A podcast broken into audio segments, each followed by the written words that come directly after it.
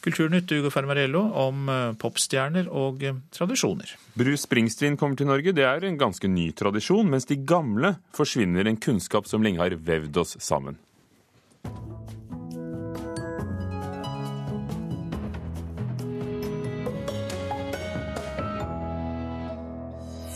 Folk kan ikke lenger sy og brodere, og dermed er tekstilhåndverk i ferd med å bli borte. Det rammer også bunadene. Så da sitter vi igjen med et kostymeball 17. mai, og ikke en reell tradisjon som, eh, som vi har hatt til nå. Bruce Springsteen spiller for to fuglehus i Norge, mens det er billetter igjen til de fleste konsertene ute i Europa. Hvorfor er han så populær hos oss? Og tyske Judith Herman skriver presist og konkret om døden, men det handler om mye mer enn det, ifølge vår anmelder. Og dette er blant sakene her i Kulturnytt i Nyhetsmorgen. Kunnskapen om å sy, brodere og andre former for tekstilhåndverk er i ferd med å dø ut. Følgende kan bli at om noen år vil ikke bare bunadene bli sydd i utlandet, men også stoffene vil komme utenfra. Og nå slår fagfolk alarm. Dette her er fine overlakene i ypperste kvalitet eh, lin, som er gjort hele prosessen da til Dyrka i Hedmark. Dyrke i Hedmark. Ja. Konservator Bjørn Sverre Hol Haugen viser husflidskonsulent Magnhild Tallerås lintøy fra 1700-1800-tallet i Hedmarksmuseets arkiver.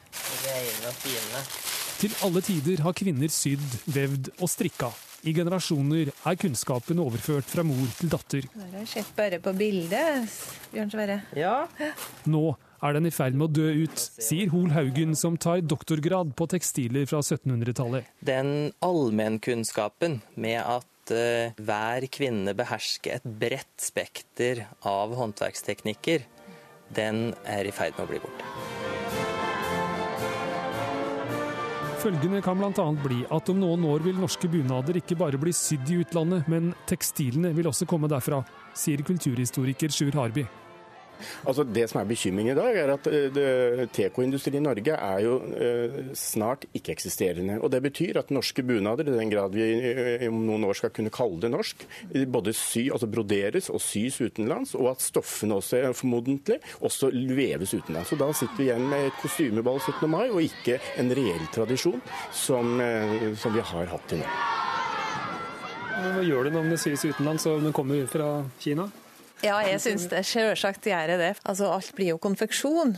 Altså, En bunad er jo tilpassa din kropp, ikke sånn som skal passe på mange. Ja, det gjør veldig mye, fordi norsk tekstiltradisjon går tilbake til førkristen tid. Vi har tekstilfunn i arkeologiske funn, vi har tekstil, rike tekstilfunn i Osebergfunnet.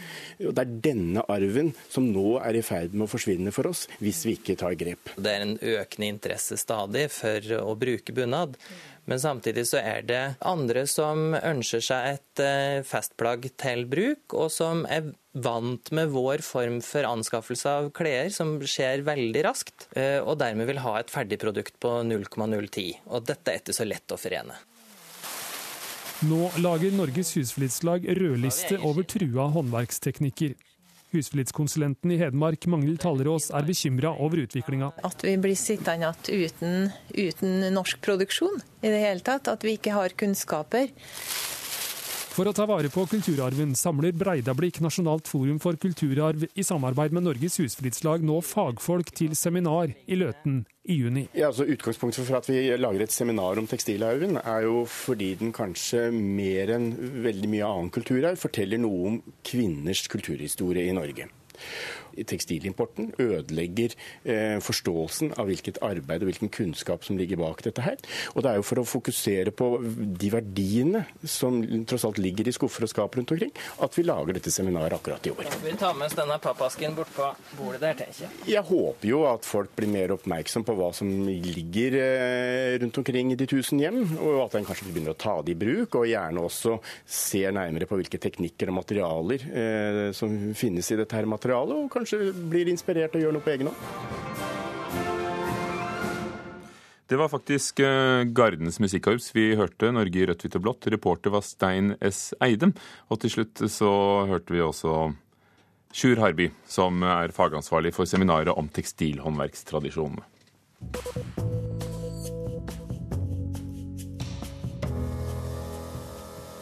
30 kulturpersonligheter har startet et opprop for å få reist et Johan Falkberget-senter i Røros. Blant dem som vil hedre Røros-forfatteren med et eget hus, er teatersjef Ellen Horn, Liv Ullmann og operasjef Per Boje Hansen.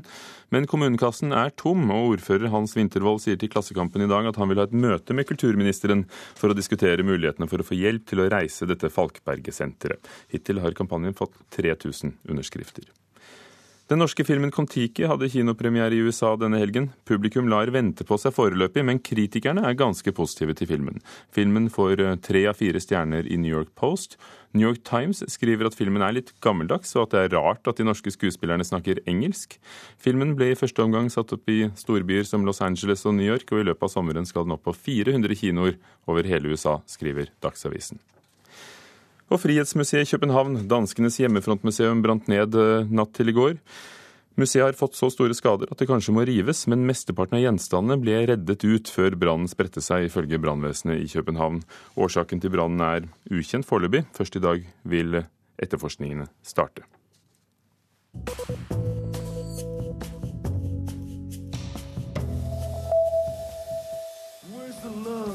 But it's not forsaken me? Where's the work that'll set my hands, my soul free? Where's the spirit that'll reign, reign over me? Where's the promise from sea to shining sea? Where's the promise from sea to shining sea? That wherever this flag is flown, that wherever this flag Bruce Springsteen i Bergen i fjor. De mest innbitte publikummerne til Bruce Springsteens konsert i kveld har ligget i kø siden fredag utenfor arenaen i Bærum, der Springsteen og The E Street Band skal spille for utsolgte hus både i kveld og i morgen. Og Knut Erik Solhaug, reporter, du befinner deg der allerede. Hvordan ser det ut rundt deg? Du, det er vått, og det er kaldt. Det er overskya. Det er skikkelig kaldt og hustrig vårvær. Som du var inne på, eh, folk har lagt seg i kø allerede før denne konserten, den første konserten, som er i kveld. Men det er ikke dermed sagt at det ligger så veldig mange foran døra her akkurat nå. Til motsetning fra Justin Bieber-fansen, som var her for kort tid siden, så har man nemlig litt mer sivilisert køordning. Lena Milde, fortell kort, hva dreier dette seg om? Det dreier seg om at vi kommer når vi kan og så melder vi oss, og vi får et nummer i rekka. Rett og slett. Og, og da må vi holde på den plassen vår og møte på alle opprop, som er hver tredje eller hver fjerde time. Og i dag så er det to timer imellom hvert opprop. Hvor lenge har du vært her, da? Siden onsdag morgen. og smiler fortsatt? Yes! det er i dag det skjer. Ja. Ja. Du står her sammen med Marit Larsen. Du har også vært her siden i forrige uke. Hvordan er formen? Den er bra. Og det blir, er stigende. stigende form. Ja, ja, ja, Hva er det med Bruce Springsteen som får uh, voksne kvinner til å, å, stå her i flere dager før konserten? Uh, musikken og det sceneshowet som leverer. Og så veldig jævlig bra show. Og så sceneshow og minst tre timer går jeg ut ifra. Og så er man helt med. Og så er det bare å glede seg til neste. Det, ja. ja. For uh, Marit jeg kunne fortelle at hun skal på uh, opptil flere konserter etter også denne her. Uh, Lena Milde, kort til slutt. Hva gleder du deg mest til i kveld? Uh, til å se Bruce komme på scenen. Og han drar i gang med Badlands. Ja, det er en høydare. For meg, da. Sa altså eh, Lena Milde, som sammen med Marit Larsen gleder seg veldig til at Bruce går på scenen i kveld. Takk skal du ha, Knut Erik eh, Solhaug, reporter utenfor eh, arenaen i høstværet, som vi vel må kunne kalle det. Hans Olav Tyvold, forfatter av Bruce Springsteen, den siste amerikaner som kom for ikke så lenge siden. Hvordan kan det ha seg at det er ingen steder som i Norge, der Bruce Springsteen selger så mange plater i forhold til hvor mange vi er? Det er, en del steder hvor han nesten gjør det, men eh, det, det tok av fullstendig på da han ga ut denne skiva som heter Seeger Sessions. Det var den som, hvor vi skilte liksom lag med resten av verdens eh, Springsteen-fans. I boka mi så har jeg prøvd å nøste litt opp av det, og jeg har funnet ut at svaret er Arne Bendiksen. Hva gjorde han? Arne Bendiksen og disse gutta som lagde skiver på 60-tallet, de spilte de samme låtene som Bruce Springsteen da 30 år seinere gir ut om igjen. Så, så, han treffer et eller annet i den musikalske norske folkesjela, rett og slett. Når er Springsteen på sitt beste? Springsteen er på sitt beste når han er på scenen. Det er det ingen som, eh, som vil diskutere. Faktisk så går vel diskusjonen blant musikkjennere og sånn på hvor mye kommer til å overleve når han er borte. Altså Bob Dylan han har jo laget en, en katalog som vi vet allerede den kommer til å stå der, uansett om, om Bob eksisterer eller ikke. Hvordan Bruce Springsteens katalog kommer til å overleve når ikke Springsteen sjøl er der til å skli på knærne over scenen, det er mer usikkert. Hva gjør han da for å holde på beundrerne? For det, er, for det er mange av dem, og det er jo ikke alle som, som nynnet med til Bendiksens melodier lenger. Nei, det som, det som er greia med, med Springsteen sånn, det er jo at, at eh, som, Jeg syns hun hadde en veldig god analyse, hun, en av de publikummerne som ble spurt der. Jo, er, musikken er veldig bra, og så er det et fantastisk eh, sceneshow. Eh, jeg tror aldri det har skjedd at en Bruce Springsteen-fan har gått inn på en Bruce Springsteen-konsert og gått skuffa, skuffa, ut. De som går skuffa ut, det er liksom folk som har gått for å se hva er nå dette for noe, som kanskje ikke liker det så godt i det hele tatt. Han er en helt unik sceneartist, først og fremst. Kan du kort, eh, for hvis det er noen som kan det, så er det deg, minne oss på hvem han er? Altså denne mannen fra Freehold i New Jersey, som eh, siden 60-tallet har erobret folk og verden. Hans, hans egen gitarist, Steve Van Sant, har på mange måter svart. Han sier at Bruce Springsteen er på, på et vis den første postmoderne eh, popstjernen på den måten at Springsteen Og det, det, er jo det første kritikeren anvender mot ham. Han har aldri skapt noe nytt, sier de. Men det som er Springsteens greie, det er at han setter sammen alle disse bitene, elementene i musikken hans har vært på plass eh, siden 60-tallet, de fleste av dem, men å ha en evne til å skru dette sammen på en litt spesiell måte. Og ikke minst har han en fantastisk evne til å få melodi og tekst til å, å, å, gripe i hverandre. Og Når han da har en såpass lekenhet med formen som han har, så er han i stand til å finne opp seg sjøl såpass at han er, han er relevant i dag òg. Men hvilke forventninger har du til, eh, til denne konserten? I just wanna rock and roll. Altså, Jeg har ikke andre forventninger enn at jeg går for å bli, eh, for å bli stort uh, underholdt. Jeg hadde kanskje litt uh, egne forventninger i fjor da, da, han kom hit. Det var jo veldig spesielt i og med at han kom opp i 22. juli-jubileet og, og, det hele. Og han har et nært forhold til Norge. Han er veldig bevisst på det publikummet han har i, i Norge.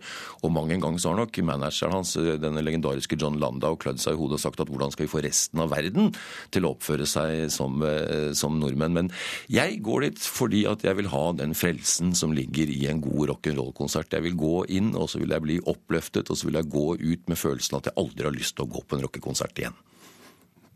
Takk skal du ha, Hans Olav Tyvold, forfatter av Bruce Springsteen, den siste amerikaner som skal på morgendagens konsert. Så kan jeg nevne at selv om det er utsolgt eh, i Oslo, så er det fortsatt billetter igjen til to konserter i Åbo i Finland, til København og mange andre i Europa. Er ikke det rart? Det er, eh, kan være, Jeg vet ikke hvordan de lokale vanene er. Altså Folk ter seg forskjellig sånn når det gjelder forholdssalg etter, etter hvor det går. Men at han er mer populær i Norge enn noen annet sted på planeten, eh, inklusiv i hjemstaten New Jersey, det er udiskutabelt. Takk skal du ha. Klokken er allerede snart 18 minutter over åtte. Dør på Nyhetsmorgen i NRK. Overskriftene denne morgenen. En ny etterforskning av Scandinavian Star-brann må ha én ledelse, med base i Norge, mener skipsekspert. Arbeiderpartiet har allerede bestemt hva bøndene skal få i jordbruksoppgjøret, mener Senterpartiets Per Olaf Lundteigen. Bare tull, svarer regjeringskollegaen. Og Gjenreisningsmuseet i Finnmark jakter på flere historier fra evakueringen under annen verdenskrig, mens tidsvitnene fortsatt lever. I dag starter rettssaken mot Michael Jacksons konsertarrangør AEG. Jacksons mor saksøker AEG for å ha medvirket til sønnens død. AEG sto bak Michael Jacksons planlagte konsertserie This Is It da popstjernen døde. This is it, and see you in July. Det skulle bli superstjernen Michael Jacksons siste verdensturné. Slik gikk det ikke. Jackson døde av en overdose anestesimedisin under oppkjøringen til turneen, og legen Conrad Murray ble dømt for uaktsomt drap. Nå anklager Jacksons mor Catherine konsertarrangøren AEG for å medvirke til drapet på sønnen. Og i dag starter rettssaken. Hun sier til CNN at Murray ikke skulle brukt anestesimedisin. What do you think, as his mother, caused his death? I don't know. All I know is they used propofol, and they shouldn't have used it, and they used it in the wrong setting. That's all I know, and that's what causes death. AEG sto bak Michael Jacksons planlagte konsertserie This Is It i London, som ble avlyst da Jackson døde. Familien mener det var AEG som leide inn legen som kanskje tok livet av Michael Jackson. Murray selv vil ikke vitne i saken, fordi han mener det vil ødelegge hans egen ankesak. Marvin Putman, AEGs advokat, sier til CNN at konsertarrangøren ikke har hatt noe med legen å gjøre. There never was a contract. In fact, what, the, what it says, if you look at the drafts explicitly, is that he was chosen by Michael Jackson. He'd be there at Michael Jackson's behest. He'd be Michael Jackson's doctor alone. That this was only being done because Michael Jackson asked for it. Michael Jackson was the only person who could get rid of him at will.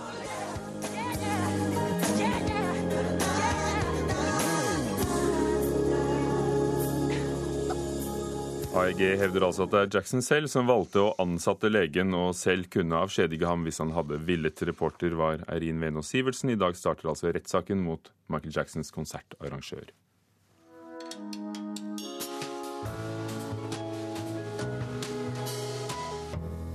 Den tyske forfatteren Judith Hermans tredje bok på norsk, 'Alice', handler om fem dødsfall. Så har hun altså skrevet en novellesamling om døden. Nei, det er ikke så enkelt. Det er mye mer nyansert enn som så, sier vår anmelder Leif Ekle. Alle de fem novellene i denne merkverdige samlingen er bygget omkring personen Alice. Novellene har alle mannsnavn som tittel navnene på fem menn som Alice har hatt en relasjon til på ulike plan, men hvis død Alice må forholde seg til. Hva slags relasjoner det er eller har vært snakk om, er imidlertid mer uklart. Vi aner en tidligere kjæreste, elsker. Vi oppfatter en vesentlig eldre venn, en onkel som tok sitt eget liv før Alice kom til verden, en samboer.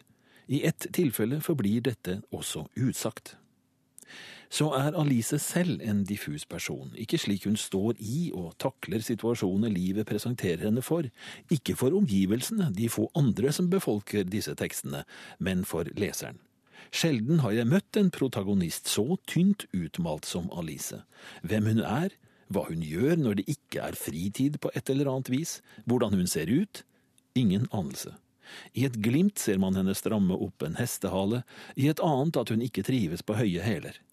Alderen er også vag, men leseren aner en kronologi, en rekkefølge i hendelsene som novellene føyer seg etter. Kanskje har også denne kronologien så mye hold i seg at det kan være meningsfullt å snakke om boken som noe som nærmer seg et romanformat.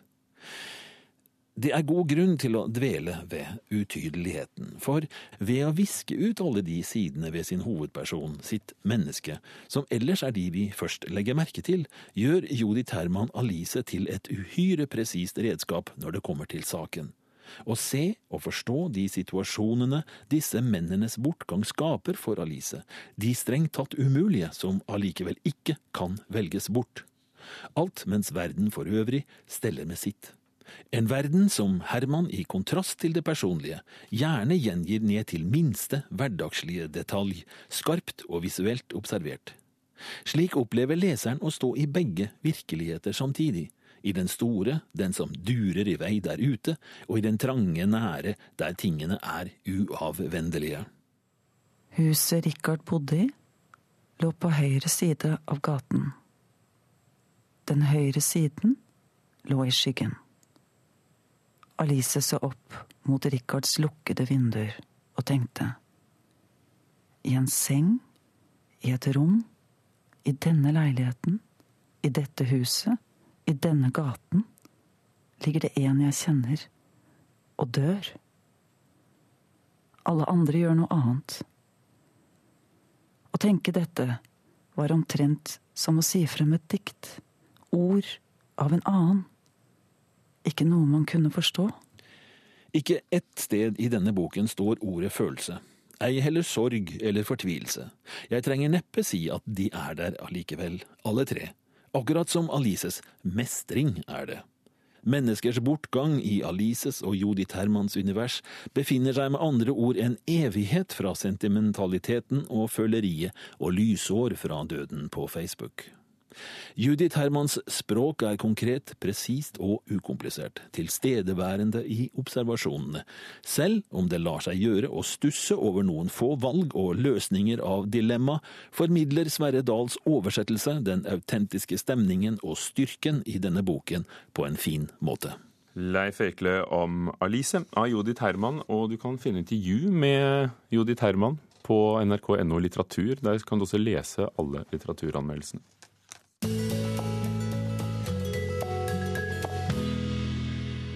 Gjenreisningsmuseet i Finnmark jakter på flere historier fra evakueringen under annen verdenskrig.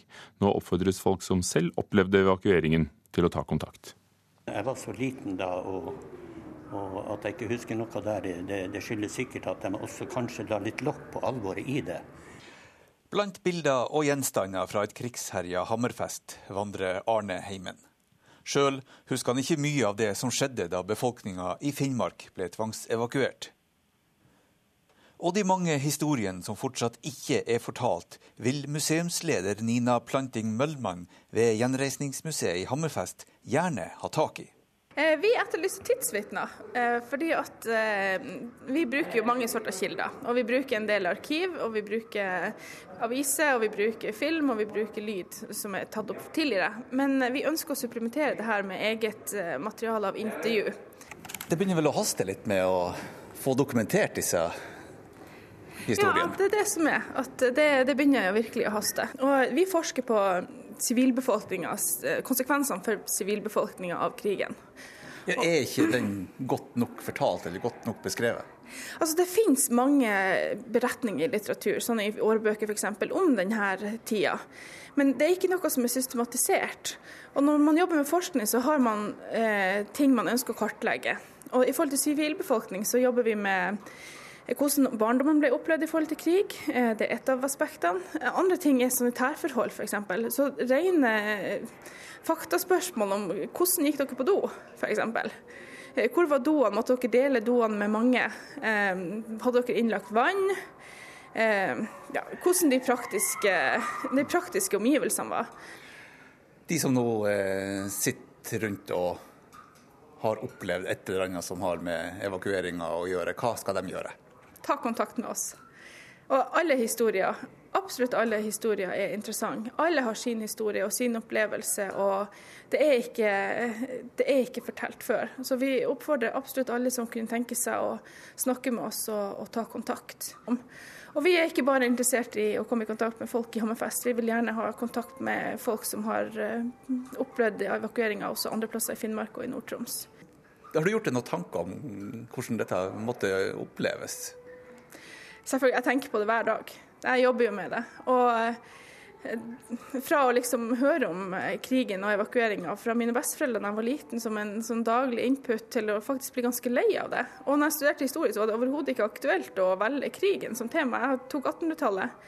Men det å, å liksom komme inn i denne historien og forstå den, der, den omfattende tragedien som evakueringa og brenninga var, og, og, det skillepunktet det er i historien i Finnmark, det, det er veldig sterkt. Omfanget av dette dystre kapitlet i norsk historie er stort. Museumslederen håper derfor på mange historier fra hverdagen til de som opplevde dramatikken. Det var en befolkning på ca. 75 000 i Finnmark eh, i, i, 1944. Og 25 000 unndro seg evakueringa eller ble igjen i Øst-Finnmark, eh, som ble frigjort først da. Og 50 000 ble evakuert. Og det er en historie som det, Så det må ikke glemmes. Det er vel den største tragedien i norsk historie siden svartedauden. For Arne Heimen er det som evakuert til Vestlandet som står sterkest i minnet. Det jeg husker, det er den fine barndomstida jeg hadde der nede, før vi kom hit igjen etter at krigen var slutt. Og det var reporter Jan Harald Thomassen som også traff Nina Planting Møllmann ved Gjenreisningsmuseet i Hammerfest, som altså gjerne vil ha historier fra evakueringen under annen verdenskrig. Vi tar med at Hallingdølen er kåret til årets lokalavis. Avisen fikk prisen under landslaget for lokalavisers landsmøte i Svolvær i helgen. Juryen eh, sier at vinneren er i en klasse for seg, med bredt og grundig innhold. Hallingdølen er god og ryddig i formen, og er ifølge juryen uredd og skriver kritisk om det som skjer i kommunen. I Kulturnytt i dag har vi hørt fagfolk slå alarm om at kunnskapen om tekstilhåndverk som søm og broderi er i ferd med å bli borte. Følgende kan bli at vi om noen år ikke bare får bunadene sydd i utlandet, men at også stoffene kommer derfra. Og så hørte vi Bruce Springsteen-fans samle seg, om enn i ganske siviliserte former, før kveldens konsert.